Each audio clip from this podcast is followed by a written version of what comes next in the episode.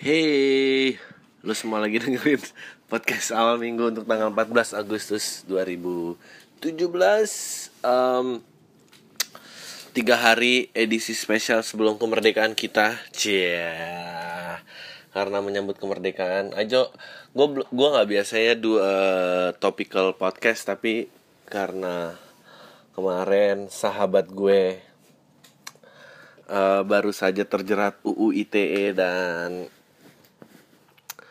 um, UU ITE dan pencemaran nama baik. Uh, gue masih mau membahas itu uh, karena ya ini memperingati kemerdekaan Indonesia lah biar tahu apa yang salah dengan negara ini. Sedap. Oh. Tumben lo ngomongnya serius bang. Uh, gue kira lo akan ngomongin uh, with the face karena lo anak selatan gitu. Uh, jawabannya enggak ya karena gue nggak tahu sih apakah beneran ada yang penasaran atau enggak. Tapi uh, yang nggak ke with the face karena udah tua dan mahal ya with the face ya. Padahal pengen banget. Um, bohong. apaan? Padahal pengen banget. Pengen banget ya bohong. Iya. Pengen aku kamu aja yang nggak pengen. Kamu baru pengen pas with the face mulai. Iya.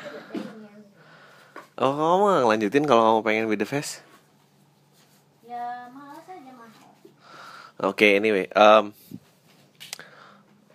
eh apa tadi? C, gue sok-sok banget. Gue tapi eh, I hate sounding smart on anything, tapi kayaknya yang sekarang harus deh. Gue gue pengen mengasih sudut pandang sedikit gitu um, bahwa jadi kemarin abis ceritanya abis gue ngebelain uh, Aco gitu ya gue turun ke kejaksaan um, karena kita berusaha mencegah. Jadi ceritanya proses proses hukumnya itu adalah pada saat uh, pengaduan di apa ada pengaduan ke kepolisian barang bukti dinyatakan lengkap dan sang dan boleh diteruskan ke pengadilan ke kejaksaan ada proses pencerah penyerahan barang bukti. Nah di penyerahan barang bukti itu um,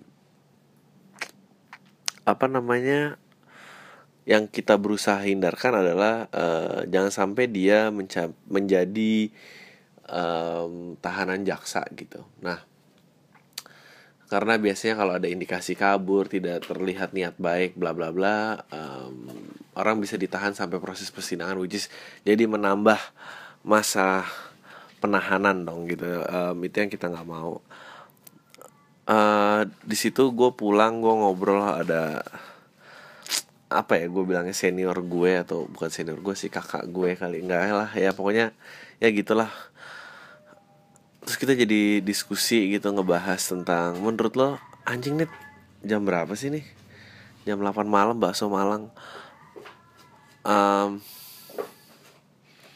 terus dia bilang menurut lo abis ini langkah nyatanya apa? Gitu. Dan di situ gue jadi ya terus gue nyebut langkah. Gue bilang aja gitu apa sih? Terus gue bilang gitu gue bilang bahwa di sinilah gue sadar bahwa anjir ternyata lembaga eksekutif itu jurisdiksinya kecil sekali ya gitu. Gue eh, yang menyangkut day to day hidupan kita tuh hampir nggak ada yang berhubungan dengan dengan lembaga eksekutif. Eh, ya ada sih tapi maksudnya nggak banyak. Di sinilah gue baru tersadar betapa pentingnya yudikatif gitu kalau lo nggak ada yang eh DPRD yu- kalau legislatif siapa? Mahkamah ya. Yudi- yudikatif mahkamah Eh yudikatif tuh mahkamah ya, sorry.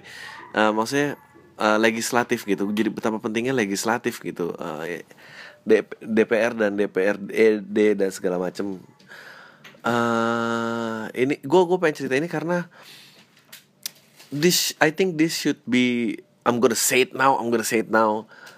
Em, kalau generasi yang berjuang eh, menurunkan sebuah rezim gitu ya eh, dan it- itu tugasnya dia gitu. Dia bilang Dri ada permasalahan yang sangat serius kata dia gitu. Dia bilang eh gue diundang satu ruangan gitu dan dan gua rasa generasi gue udah berakhir generasi gue udah berakhir pada saat rezim itu turun eh era informasi terbuka dan KPK uh, terestablish gitu.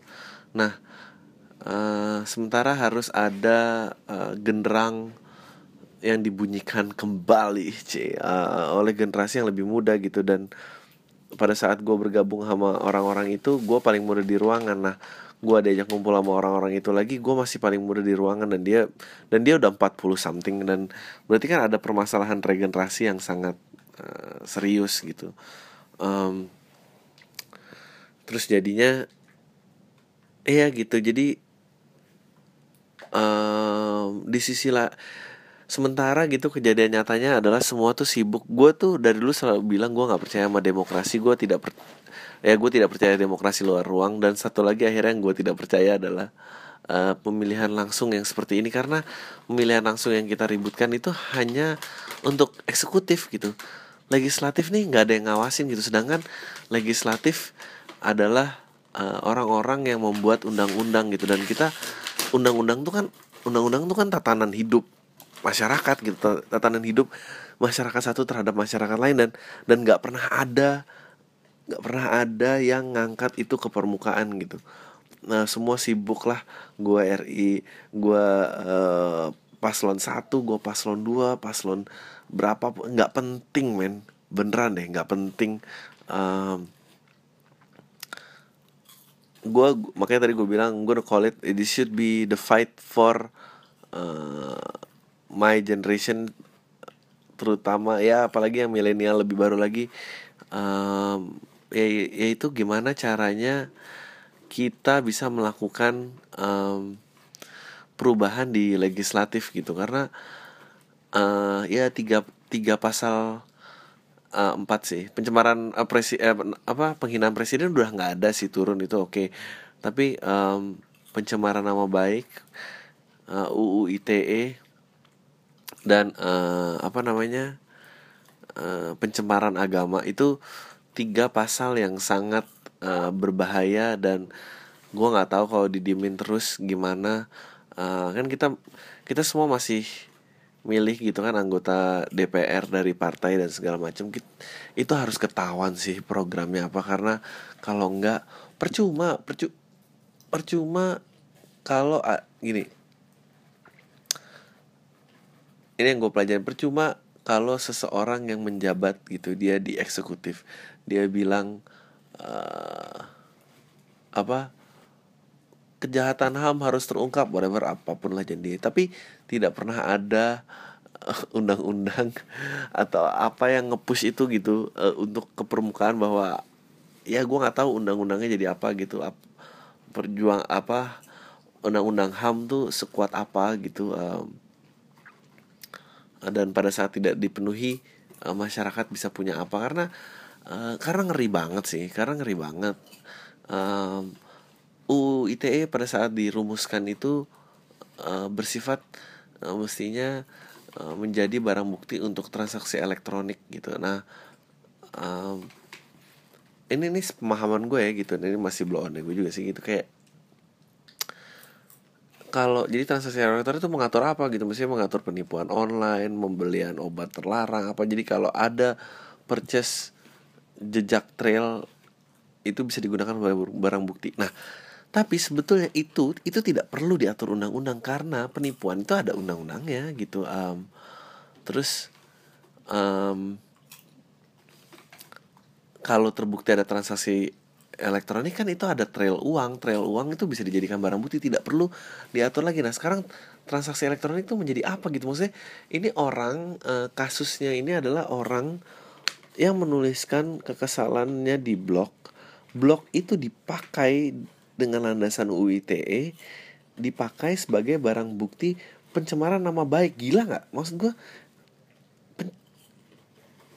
padahal kalau sifatnya ada yang dirugikan itu kan itu kan perdata gitu. Misalnya ada transaksi jual beli terhadap pihak A dan B itu kan perdata gitu. Ada penipuan perdata pidana tuh pembunuhan maksudnya pencemaran nama baik masuk pidana tuh nggak bisa dan nggak bisa digunakan untuk uh, korporasi gitu untuk untuk menekan individu. Itu itu nggak bisa gitu uh, gue nggak tahu honestly gue mungkin berasa seperti uh, apa namanya talking to the abyss ya yeah. masih lo pada nggak tahu tuh artinya apa um, talking to the abyss tuh kayak berbicara di ruangan kosong tapi semoga tapi ya semoga lo yang bisa mau menjabat di DPR atau apa um, bisa menjadikan ini sebuah pertimbangan gitu. Um, kita lagi mau cari cara gitu karena kita dengar ada atau itu digerakkan oleh individu gue lupa juga namanya siapa. Uh, dia memperjuangkan hak-hak untuk orang difabel terus dia melakukan lobby terhadap anggota-anggota DPR yang memiliki anak difabel gitu. Nah memiliki concern yang sama dia himpun jumlah orang-orang yang besar dia rumuskan undang-undang. Nah sekarang undang-undangnya lagi diproses. Maksudnya kalau undang-undangnya nggak di approve itu urusan ntar lah gitu. Maksudnya ada 500 orang di gedung itu uh, di approve-nya harus dua per tiga kalau nggak salah ya. Kalau voting apa segala macam ya uh, ya gue nggak tahu perjalanannya panjang tapi kalau tidak kalau pertarungannya tidak dimulai um, gue nggak tahu kapan berubahnya. Nah, soalnya teman gue juga bilang bahwa beneran loh Dri uh, aksi turun ke jalan demokrasi luar ruang tuh itu tuh angkatan gue gitu. Angkatan lo harus berpikir dengan cara lain uh, dan kayak anjing kita sibuk sibuk tokoh yang naik apalah ini nggak penting men. Politik is about what bukan it's about who. Um, kalau kasus ngambil kasus difabel itu bisa dijalankan dengan seperti itu itu mestinya yang lain bisa sih gitu. Entah direvisi entah dicabut undang-undangnya. Karena undang-undang itu semakin lama dia akan semakin kuat di persidangan tuh ada istilahnya kalau nggak ada nggak ada peraturan yang mengatur mengacu pada sidang-sidang lalu yang pernah dibahas. Nah itu ya udah kalau kayak gitu makin banyak yang dijerat um, bahaya sih. Bahaya banget. Korporasi bisa memidanakan orang tuh absurdnya luar biasa gitu. Makanya uh, makanya gue sih gue beneran sih gue titip pesan banget gitu dan kali ini berasa semoga podcast ini ada ada peran yang lebih besar gitu dalam kehidupan buat yang dengerin ini beneran deh pikirin deh kalau gaya politik lu pamer gue pilih satu gue pilih dua gue pilih apa pun lah gitu dan program eksekutif itu program-program yang nggak mungkin bisa menyalahkan uh, undang-undang. Nah, yang perlu kita serang itu adalah undang-undangnya. Um,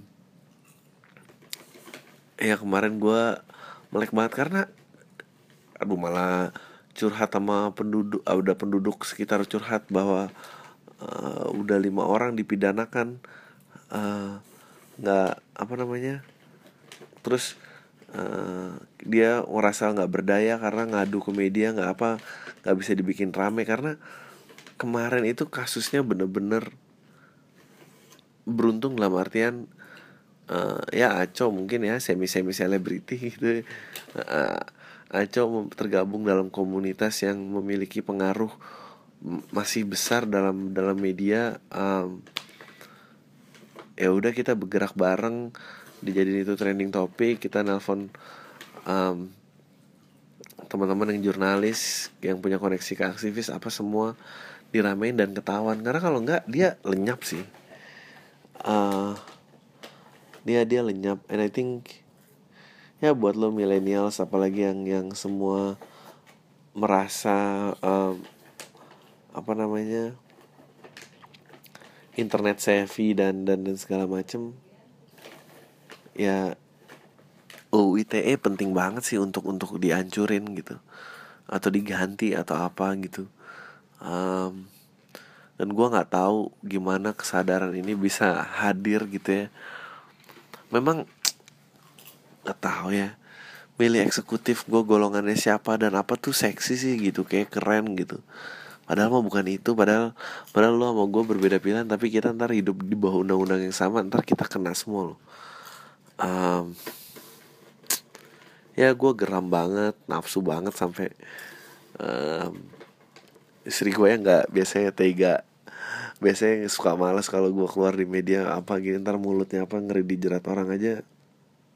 Kemarin ya ya udahlah kamu mau datang aja lah udah nggak bisa mikir lah gitu. Uh, ya yeah, that's nah itu pesan gue kalau lu beneran pengen mengadakan perubahan. Um, jangan sibuk ikutin idola-idola idola-idola yang oh ya gue bela paslon ah, tai kucing lah. Beneran deh tai kucing nggak nggak ada urusannya nggak ada urusannya. Lu pikir makanya gini ini yang perlu dikhawatirin kayak gini. Lu lu pikir Trump gitu gitu salah gitu. Trump itu dia nggak salah maksudnya lu pikir dia doang gitu. Tuh, tuh lihat tuh ntar uh, anggota majelisnya di belakang dia yang yang yang mengesahkan peraturan. Dan yang mengerikan adalah gini lo bayangin ya ini gue nih gitu yang yang bacaannya minim lah nggak nggak nggak pinter-pinter banget gitu. Kalau gue bisa sadar ini berapa korporasi yang sadar dan bisa memegang anggota DPR untuk merumuskan undang-undang yang sesuai dengan kehendak mereka. Berapa banyak gitu. Mau apa lo lu pilih lah fight lo eh, banyak tuh undang-undang ngatur apa lahan perbandingan lahan hijau uh, pengaturan. Ya itu juga kadang-kadang conflicting karena pasti kalau ada habis seperti bisa sih diatur dari pusat paling ya diatur dari pusat aja. Paling kalau ada gubernur yang bandel ya ntar gubernur ditekan tapi kayak ya lo pilih fightnya lah. Mungkin ya kalau gue sih paling urgent menurut gue pencemaran nama baik ITE sama penistaan agama. Um, tapi lo boleh pilih lo boleh pilih tentang uh, undang-undang ekspor impor kah? Eh, undang-undang lahan hijau kah? Undang-undang pengaturan tembakau kah? Undang-undang duh banyak banget. Kesehatan jaminan sosial pendidikan. None of that shit bisa diurus sama tokoh-tokoh eksekutif yang lo pilih. Trust me nggak ada. Dan selama nggak pernah ada yang ngegedor itu gue yakin uh, korporasi atau konglomerat mana megang semua anggota untuk merumuskan undang undang-undang in their favor. Menurut lo, men menurut lo kenapa pencemaran baik ditemu diambil itu itu itu kan pasti ada orang yang punya duit yang terganggu yang terganggu keberadaannya uh, terus dia bisa megang anggota parlemen uh, ini gitu. Dan oke okay, dan semakin lu sibuk menyalahkan siapa eksekutifnya ini juga nggak bisa ngapa-ngapain gak didukung apa-apa gitu. Lu like Amerika yang sepintar itu semua nyalain Trump tolol menurut gue tolol. Dia cuma di situ ya udah the, the, the law doesn't say I'm allowed to do this. Terus gue mau apa ya mungkin dia juga ini. Tapi dia tuh perfect banget menurut gue that's how you ruin a country menurut gue you find orang eksekutif yang willing jadi kambing hitam, jadi kesalahan dan badut sementara aturan yang undang-undang yang mengatur jaminan sosial lo dan apa tatanan hidup lo itu nggak ada yang nyorot gitu. Sedih kan lo? Itu itu cuma baru satu sih. Sisanya um, nggak tahu yang lain nggak kedetek tuh gimana. Gue di sisi lain gue geram tapi di sisi lain gue kayak uh, eh, gue kayak punya harapan like I know what to do. Karena karena jijik sih. Gue jijik banget setiap pilkada tuh gue jijik. Bukan ih pilkada pilpres lah. Apalah itu semua sementara anggota nggak ada yang tahu dicalonin apa milik partai. Nggak ada yang tahu sama sekali. Nggak ngerti itu perang pegangan siapa. Nanti ini nyemil aja gue tahu gendut. Gue gendut sih. Eh, enak banget itu popcorn ya. Menurut kamu ya Han ya? Mm. tadi kita ngomongin eksekutif sama legislatif. Menurut kamu kapan eranya kita bisa sadar untuk memilih legislatif yang di belakang anggota-anggota yang duduk di parlemen? Nah, sebenarnya mereka tuh campaigning. cuma bukan kita aja targetnya jadi kita nggak pernah terekspos sama agenda mereka kita terekspos sama foto oke sama Tapi kan itu stupid banget bahwa bahaya banget kan bahwa kita cuma sibuk debat eh, di eksekutif doang program-program eksekutif. Program eksekutif itu kan ya udah program media. Tapi yang menentukan tatanan hidup undang-undang kan tuh semuanya ada di legislatif dan gawat banget gitu. Ya enggak ini kaitannya sama em, kasus Green Pramuka kemarin. Karena Iya aku ngomong sama orang-orang yang menurunkan rezim itu. Dia bilang fight gue tuh udah berakhir pada saat rezim runtuh era informasi terbuka dan KPK kamu ada berdiri. cerita sama aku? Ya nggak apa-apa. Aku ngulang lagi aja. Kamu kan juga ada cerita sama mereka tadi aku Ya udah udah nggak apa-apa. Ini menuhin Oh, menit iya. banyak. Oke. Terus Nah what is the fight of our generation? I think the fight of our generation adalah UU ITE pencemaran nama baik sama penistaan agama sih. Hmm. itu yang mendesak sih. Kayak apa penghinaan presiden tuh udah nggak ada. Nah itu gimana coba? Kamu kan orangnya humas nih. Apa? Apaan kamu kan profesinya humas. How would you harus ke kampus-kampus gitu? Anjing bahaya banget sampai kamu bilang "Ya, mereka sebenarnya campaigning program tapi sasarannya bukan kita. Anjing enggak sasaran. karena mereka tuh sasarannya gini loh. Eh karena demokrasi kita plural banget banyak gitu partainya dan to be honest to be honest in my view there's no difference between one another party except for religious emblem iya benar itu setuju Eh, misalnya kalau tatanan politik di Amerika itu jelas Republikan itu agendanya A, Demokrat agendanya B. Kalau misalnya kamu nggak setuju sama A, ya berarti kamu B gitu. Mhm. Kalau di sini tuh semuanya sama. Like if you are a ca- caleg gitu, Hmm. Eh kampanye kamu ke mana? Ke rusun, ke pasar, ke sekolah, ke puskesmas? Tapi menurut kamu semua yang yang apa ya? Semua yang gampang eh, mudah memberi yang mudah memberikan suara gitu. I'm not saying that they're not critical. Tapi if only if only mereka lebih banyak caleg itu lebih banyak ke middle lebih banyak ke middle class educated group eh, dan segala macam. Bukan yang nggak ada ya ada beberapa caleg tuh yang ke kampus-kampus atau ke mana organisasi-organisasi. Kalau misalnya ke situ dan dan orang-orang terekspos agendanya apa ya mungkin orang bisa lebih sadar gitu. Tapi kalau sekarang tuh yang yang sadar dari dini tuh paling anak-anak politik. Aku tahu anak politik UI itu magangnya di DPR gitu. Jadi mereka ada ada early access to what's going on with this Iya, country tapi- gitu. tapi- tapi kalau misalnya kita gitu kayak, kayak tapi kan bahaya banget I, lagi I don't know siapa kamu uh, kebayang gak sih? apa. Aku tuh ngeliatnya kayak anjing ini tuh perfect hideout banget gak sih? Perfect hideout to to to ruining a country gitu Well, maksudnya. that's house is always a perfect hideout. Iya makanya. maksudnya aku tadi sempat nyebut kayak if I can realize this how many lobbyists yang udah megang anggotanya di sana dan you know biar ngerumusin hukum atau undang-undang yang in their favor gitu kayak ini, ini tuh bahaya bahaya yang ya Emang motifnya kan eh, kalau kasarnya ya, Hmm. motifnya kalau eh, well at least at least yang sekarang gitu yang eksekutifnya eh, pro poor, pro people, yang legislatifnya ya masih kayak tahun-tahun yang lalu aja pro Iya. Pro eh, pro money and pro power. gawat gawat gawat permisa. Gawat. Terima kasih.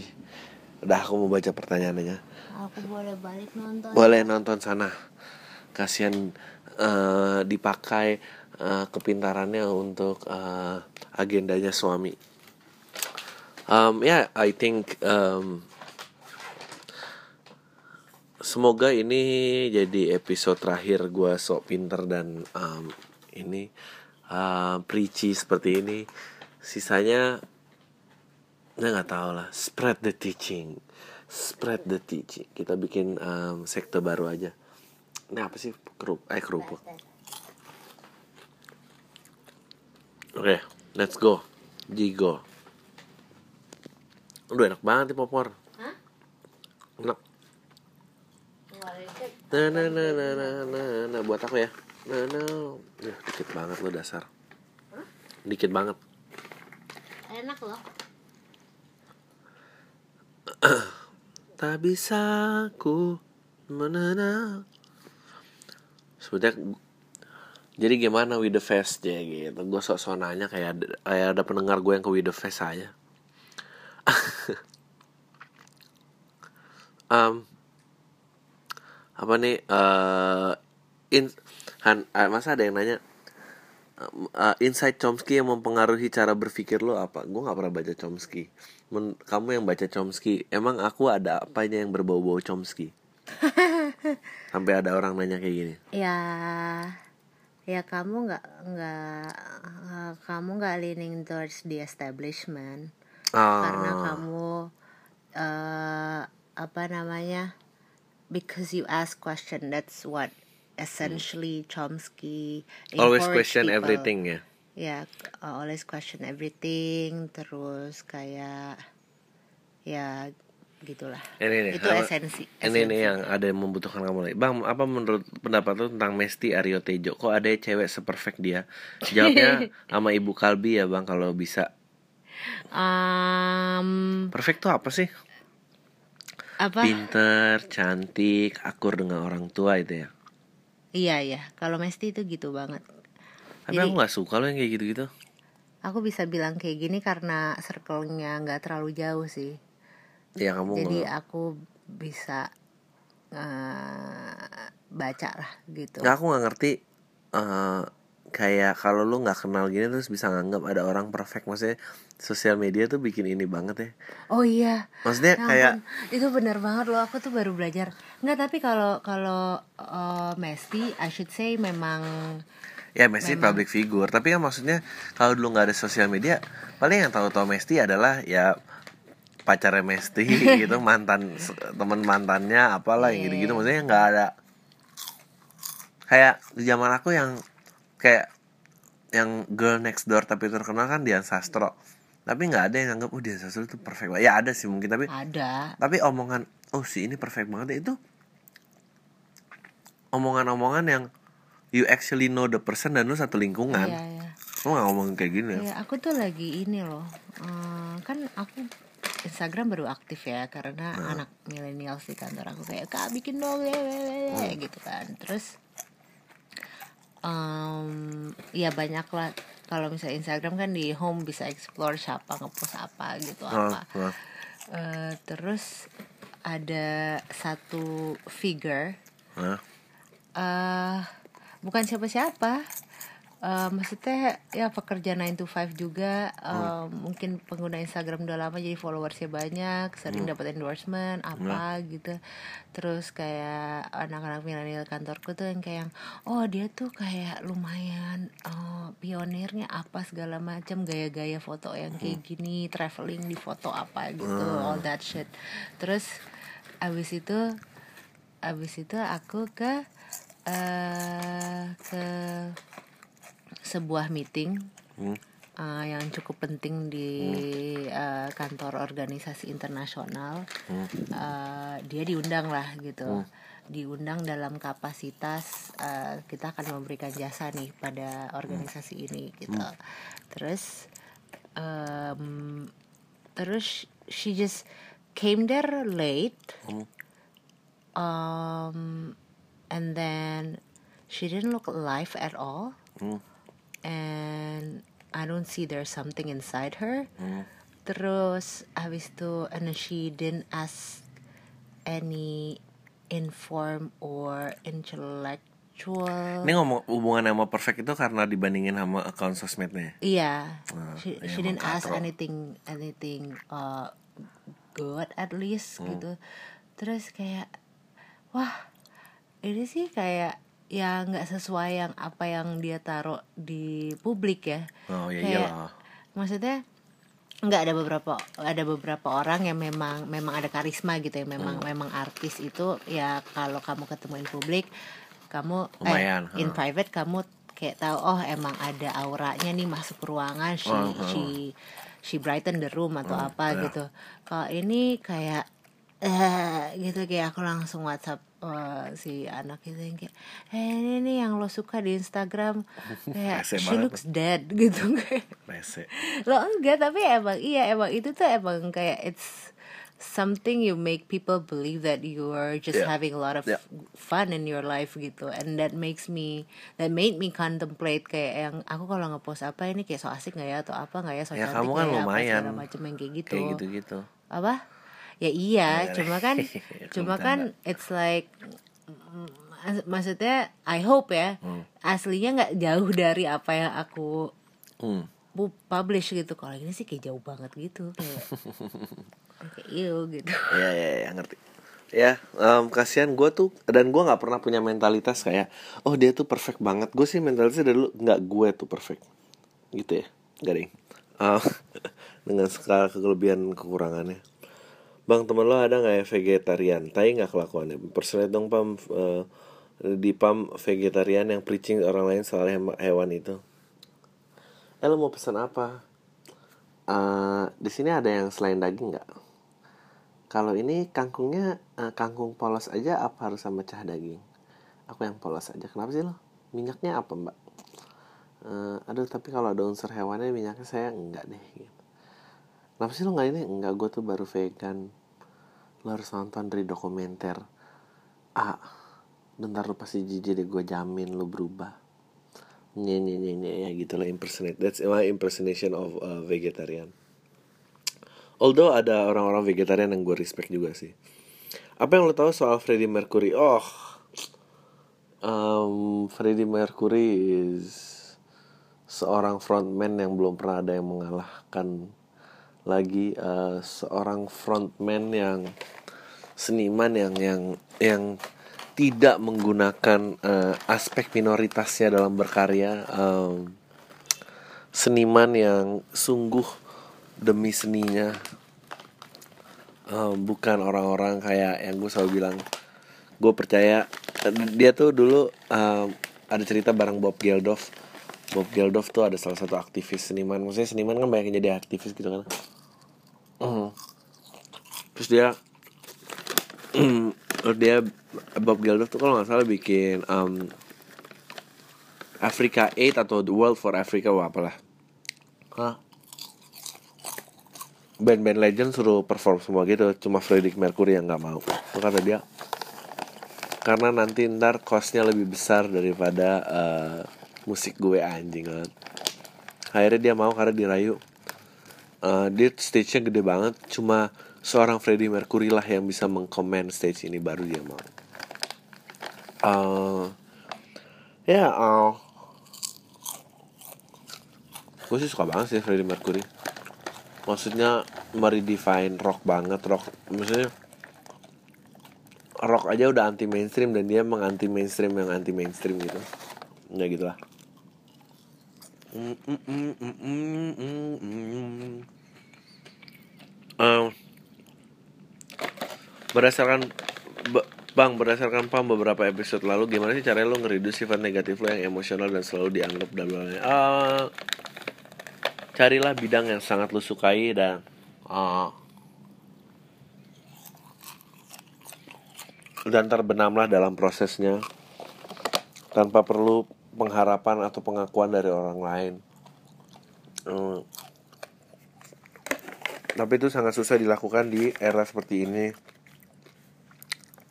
Tapi semoga itu itu dan kalau bisa bermeditasi lah. Gimana cara bermeditasi? Gue udah sering ngomongin. Jadi eh, silahkan cari dan segala macam. Ah, ah, uh, uh, um, um. Pause dulu. Aduh ya terus terus terus terus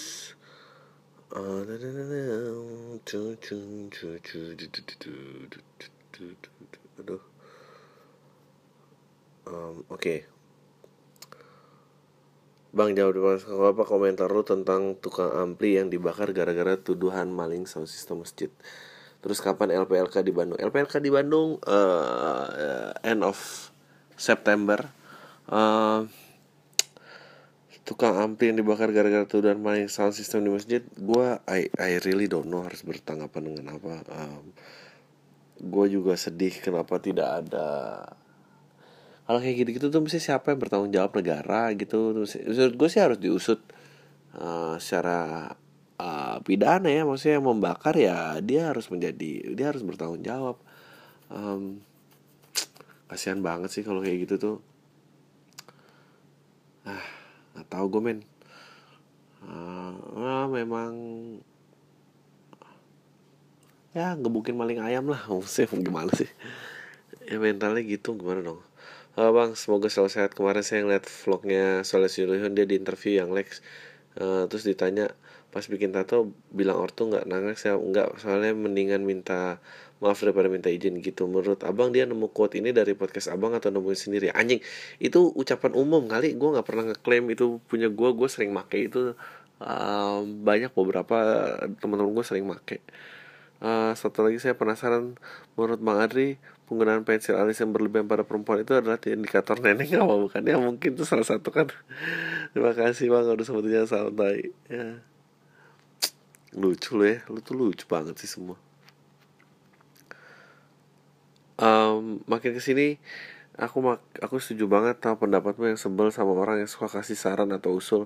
Aku ngerasa annoying banget sama orang kayak gitu aku dikasih saran oleh seorang senior which is udah aku pikirin sebelumnya bahkan udah aku kerjain. Saran itu sampai ke hal-hal sepele. Menurutmu ngadepi orang kayak gitu aku harus diem tapi kuping panas atau balas ngejawab uh, ini dalam ranah sosial bermasyarakat bang bukan pekerjaan. Uh, gue sih oh ya oh ya oh gitu ya. Menurut kalau gue sih gue yayain gitu gue kayak pinter banget ya lo gue puji-puji palsu gitu sih gue kayak menurut gue sih mesti lo gini oh ya oh ya oh gitu ya. Terus lo kalau kayak gini-gini tuh lo emang biasa mikirnya cepet gini apa emang uh, lu doang yang ngerasa tahu orang lain nggak tahu lu jadi harus nyampe terus gue mulai balik nyindir nyindir gak um, sama makmur dulu baru beradab itu kalimat yang keren banget bangganya kalau udah berada di kehidupan nyata. Uh, satu lagi cewekku aku kasih dengar pam yang dulunya masih ada nenek-neneknya sekarang jauh lebih keren dan nggak pernah ke gap follow IG ibu. Nggak pernah ke gap uh, follow ibu Kalbi ngakak bareng jadinya. Makasih bang. Halo terus alam buat Bu Kalbi. Eh Bu Kalbi lihat nih. Apa itu Uh, satu lagi cewekku aku kasih denger pam yang dulunya masih ada neneng-nenengnya sekarang itu lebih keren dan pernah ke gap follow IG-nya ibu Kalbi. Ngakak bareng jadinya. Ke gap bareng. Ah gimana? Jadi gara-gara mungkin dia pernah nasehatin ceweknya jangan terlalu neneng atau apa gitu lagi bahas itu. Terus dia dengerin podcast itu dan sekarang cewek jadi lebih keren. Terus dia Oh. pernah dia cowoknya pernah ngegap dia ngefollow kamu. Oh ya ampun. Lucu ya? Thank you. thank you. Um, oh bang gue punya cerita nih.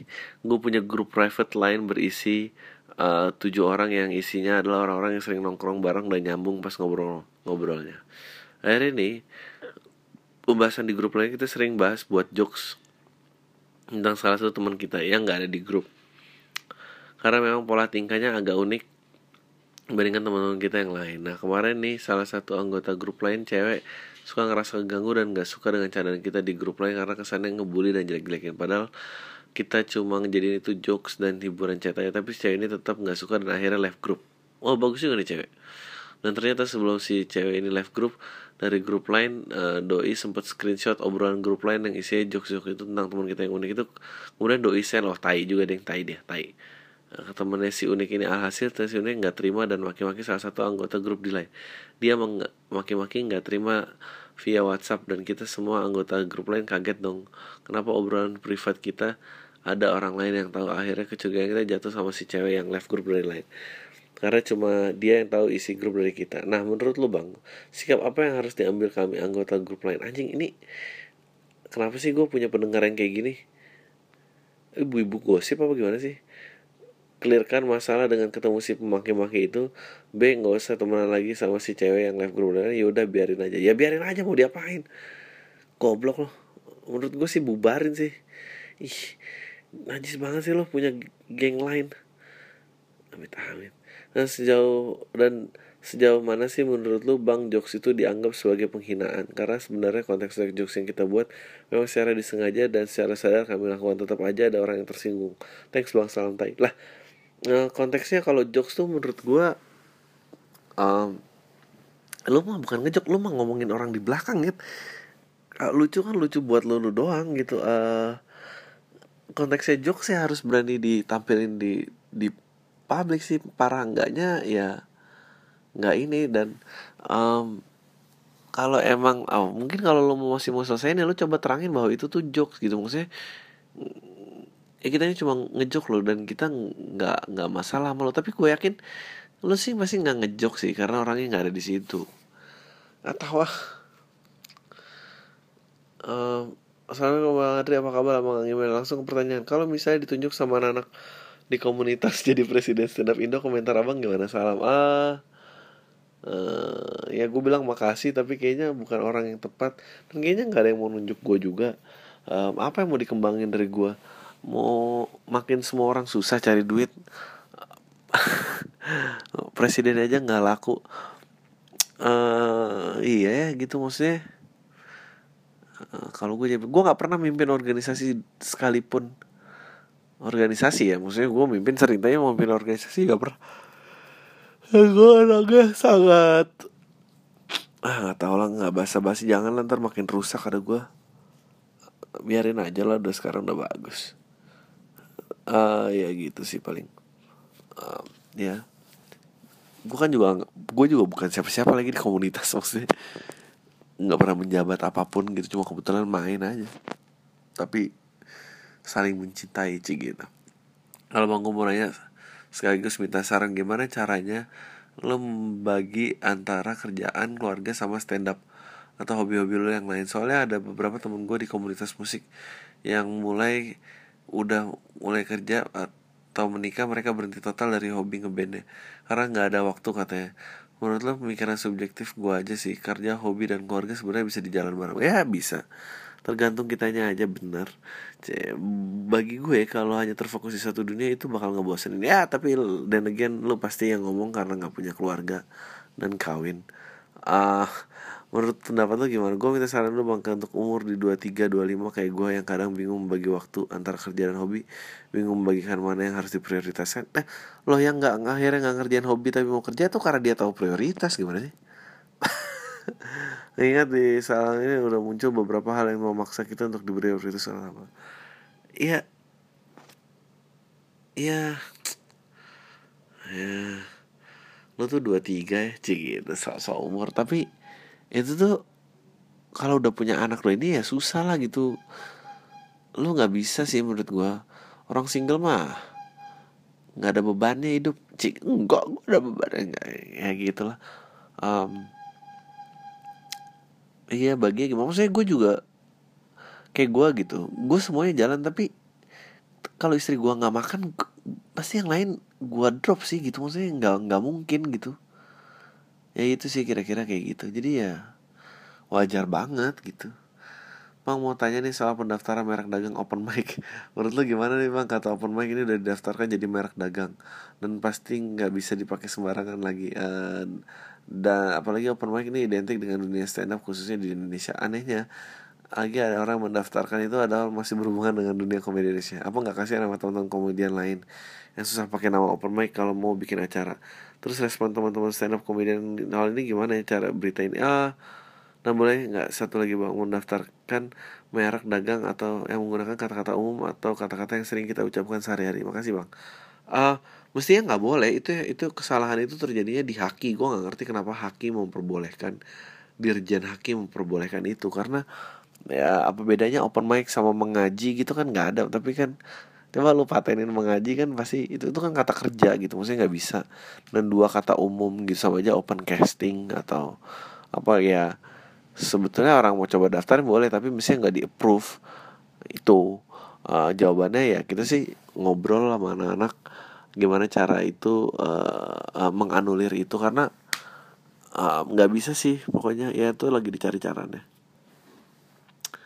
Bang, lu pernah nonton Swiss Army Man gak? Menurut gue itu film yang paling buat gue terhibur Tapi gak tahu apa yang dimaksud sama filmnya. Santai gak pernah Tapi gue favorit di email Siapa tahu ntar gue nonton. Uh, Bang, minta pendapat lu soal berhentinya Mata Najwa Dan mundurnya Najwa Shihab dari Metro TV Apakah ada hubungan episode terakhirnya mengenai penyiraman air keras ke novel Baswedan? Tolong jawabannya bang. Ah, Gue pernah bahas ini kan ya di uh, Gue bukan yang mau sosok konspirasi Tapi um, Ya berat lah buat Najwa Orang kayak um, Gitu gitu ya Dan tekanannya pasti banyak bertahun-tahun Dan uh, Susah uh, apa ya?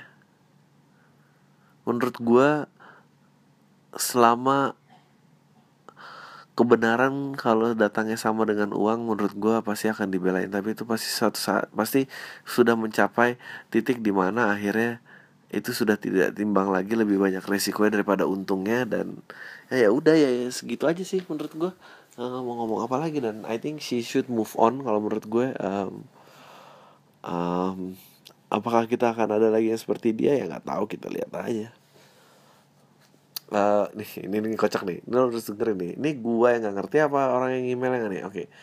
Saya uh, ini Twitter dan uh, IG saya ini by the way itu bukan kalimat pembuka yang baik ya. Uh, saya jarang sih dengar podcastnya abang boros kuota bang. Sorry ya curhat. Saya aja yang kere langsung aja bang. Sebenarnya gaya komedi yang abang suka gaya komedi sebenarnya gaya komedi apa yang abang suka? Karena gaya komedi khususnya stand up di Indonesia itu berkembang banget. Awalnya 2011 ya itu menurut saya sih ya rata-rata observasi. What if juga jarang. Tapi seringnya berjalan uh, waktu gaya komedi dan genrenya mulai kebentuk. Dulu kata orang kalau mau stand up itu harus ada keresahan. Tapi kalau dilihat akhir-akhir ini nggak pakai resah juga ada gitu. Contohnya Coki Pardede itu kan kadang dia kayak what if aja gitu dan banyak lah yang gitu itu yang pertama. Kedua abang tahu Boy Chandra gak sih? Itu lo penulis puisi romantis yang nggak jelas gitu. Saya lahir di tahun 2000 yang jelas anak seumuran sekarang semuanya tahu Boy Chandra. Dia itu puitis romantis cuma gitu. Eh, sih nggak masalah ya. Cuma abang pernah lihat mukanya nggak ya? Saya emang nggak ganteng pas-pasan aja. Hah? Uh, cuma si Boy Chandra ini novelnya puitis banget di pikiran saya. Cowok yang puitis romantis ganteng lah kayak rangganya ADC nah si Boy Chandra ini nggak ketebak kalau mukanya itu sekilas bukan muka orang yang puitis gitu. Abang kalau lihat dia di jalan mungkin abang nggak tahu dia penulis. Mungkin abang juga ngira dia bukan penulis. Yang kali tukang jaga warnet atau mamang bulanan nagih kredit panci. Abang nggak kredit ya. Allah bodoh amat sih. Terakhir kenapa sih abang bilang aduh lu bingung gak gue aja bingung nih. Sama sering bilang ah tai lu semua emang salah semua orang apa bang? Uh, semua orang ini ngeluarin kata tai semua orang ini ngeluarin tai tapi juga nggak segitu juga dong. Kira-kira lah abang bakal naik ah ini abang bakal naik haji nggak sih? Kayaknya ah udah waktunya nih nggak usah ngomong tai nggak usah mikirin masalah yang bukan urusan gue gitu. By the way saya nulis ini sambil ketawa kok bang. Meskipun katanya bukan kata-kata joke kayak sapi-sapi apa yang terbang sapi derman ha. Udah gitu aja bang. Kalau abang ngebahas pertanyaan semua tolong kasih tahu ke posnya tanggal berapa? Terus gue gue balas tuh tuh nanya apa sih? Pusing sendiri gue bacanya. Kalau masalah bacain biasanya senin gue bacain. Poin saya gaya stand up abang yang suka stand stand up itu apa? Boy Chandra. Gue nggak tahu Boy Chandra itu siapa. Ntar gue coba cari tahu. Abang naik haji apa enggak? Dan anjing ngapain nanya naik haji? Uh, kenapa sering ngatain tai lu semua? Uh, kalau gaya komedi gaya komedi I think um, Coki Pardede gue nggak tahu ya kalau apa adakah style style berkomedi. Nah gue sih nggak pernah melihat ada style style uh,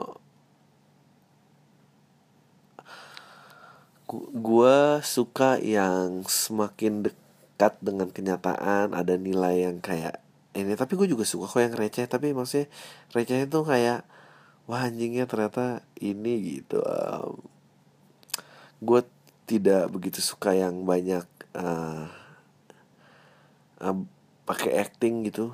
Maksudnya gue juga acting tapi kan actingnya nggak jauh gitu. Maksudnya ada trik-trik ininya tapi uh, terus gue nggak suka uh, yang act outnya banyak kalau di gue gue suka gue suka cerita lo aja sih gitu. Menurut gue banyak banget yang cerita bisa diangkat tapi ya orangnya nggak mau cerita tentang dirinya bingung gue um, itu sih uh, kayak ya jadi observation gue suka maksudnya jadi Seinfeld uh, observation ada social commentary ada uh, ya gue sih suka-suka aja ya cuma ya nggak tau lah. Ya gitu deh. Berkembang pesat banget enggak sih menurut gue? Uh, berkembang pesat apa enggak ya? Tahun 2011 tahun 2011 observasi what if juga jarang. Maksudnya gue nggak ngerti what if itu jarang. Semua karangan pasti what if kan? Ya gitulah. Nggak ngerti gue um, ya gitu pertanyaannya. Uh, da da da da, da. oke. Uh, gue kuliah di Padang. Kemarin kan lo ulang tahun. Lo seneng gak sih disurprisein kalau sebenarnya orang kalau ulang tahun gitu? Uh, jawabannya enggak atau lu sama sama gue yang gak suka disurprisein orang well gue sekarang disurprisein nggak apa-apa tapi dulu nggak suka. Maksudnya ya sekarang sih oke okay lah seneng ada yang ingat sama gue. Uh, soalnya gue dulu pernah disurprisein ulang tahun disurprisein cewek gue bareng teman-temannya dan reaksi gue cuma datar dan senyum-senyum maksa gitu. Abis itu cewek gue ngambek seminggu. By the way bang kalau memang ke Padang jangan lupa kasih tahu ya. Kalau mau tanya-tanya boleh. Nanti gue rekomendasi tempat-tempat keren di Padang bang. Thanks bang. Um, ya oke. Okay. ntar gue kabarin kalau pulang nggak tahu gue kapan pulang lagi. Bang coba tonton film Belgia Raw. Menang banyak festival tapi nggak terlalu terkenal. Oke gue tandain mungkin gue cari. Uh, Barangar Bandar Lampung kuliah di Jogja podcast sering banget gue dengerin buat teman ngerjain skripsi sampai sekarang udah lulus balik ke rumah juga masih dengerin. Thank you man. Semoga lu sukses. Thanks bang buat podcastnya. By the way gue cuma menawarin sumber buat lo namanya Chania Cita Irlane gue udah nanya personal sama dia mau nggak diwawancara di podcast sama minggu? Dan dia bilang mau kalau lu mau nyari lo dada dada uh, kalau tertarik oke okay, ntar gue coba cari. Uh, mau nanya pendapat tentang kuliah di fakultas keguruan. Terus udah lulus terus sekarang lagi ngehonor di sebuah sekolah swasta dengan gaji guru honor yang terbilang kecil. Saya bilang berani ngambil resiko bakalan berpenghasilan terus segitu. Apakah langkah yang saya lakukan ini terbilang jual derita kejar passion karena ya saya saya kan uh, dari orang FK apa sih ini? Oke. okay terus jadi guru saya sih nggak apa-apa dengan gaji yang takut ya ntar bosan ngajar. Terus kalau dengar pam dengan Mas Yandi di sana Mas Yandi bilang bukan kita bukan kita yang harus besar buat ngajar tapi kita ngajar buat buat orang jadi jadi besar. Nah di situ termotivasi. Maaf bang kalau panjang makasih udah waktu buat membaca ngasih saran aja. Santai dari Banjarmasin. Well you know I think it takes special person. Uh, menurut gue takes a special person to commit dan memiliki goal yang lebih besar daripada dirinya. Yang kayak gue cuma ngata-ngatain mah kecil harganya. Lu jangan mau lagi. Uh, lu kan dengerin podcast komedi dan I tell jokes um, uh, maksud gue uh, uh, ya susah gue ngejoknya kalau tentang kayak ya nggak kita harus ngelakuin perubahan lagi karena ini tuh penting. Dan di dua dia anjing mana ketawa lah Oke, lu pernah nonton acara kuis-kuis yang peserta dipancing-pancing buat nangis nggak membawa acara itu? Kalau ada nangis-nangisannya bakal naik nggak ratingnya? Siapa yang Nielsen juga? Kalau diganti channel langsung berhenti di acara gitu kan gue skip sih. Nggak tega ngeliat ibu-ibu atau siapa gitu ditanya penghasilan anaknya berapa dan jadi objek kasihan orang-orang demen banget eksploitasi bang udah nonton film Banda belum? Uh, gue nggak pernah nonton film acara yang lo bilang tapi katanya ada alat yang mengukur um, ya kayak di sinetron digampar terus ratingnya naik per 5 menit gitulah gue nggak ngerti itu gimana. Menurut kayaknya sih bohong ya kayaknya nggak pernah ada yang lihat alat itu. Terus jadi akhirnya digampar-gampar aja semua setiap episode gue nggak ngerti juga sih. Um, Banda gue udah nonton uh, bagus. Ya bagus. Maksudnya ceritanya bagus maksudnya informasinya bagus perlu tahu segala macam segala macam dan udah lama nggak nonton dokumenter gitu ya. Dan ya seneng lah masih teman-teman sendiri yang bikin uh, jadi ya ya happy happy aja gitu gue. Uh, apa ya sedih lah pokoknya. Sedih. Oke terakhir. Waktu episode dengan Lala Bohang disinggung tentang stand up comedian yang punya mama but, uh, seorang hoarder please bang gue butuh sharing dengan beliau. How does she deal with all this thing uh, how does she survive gue almost nyerah dengan keluarga gue yang hoarding ini jangan di ya Gua harus edit dong nih telek lah. Jangan dijawab di podcast. Cukup reply email. Eh gua udah baca ya udah gua ntar bales. Eh, kan gua nggak bacain kan. Uh, tai lu semua deh.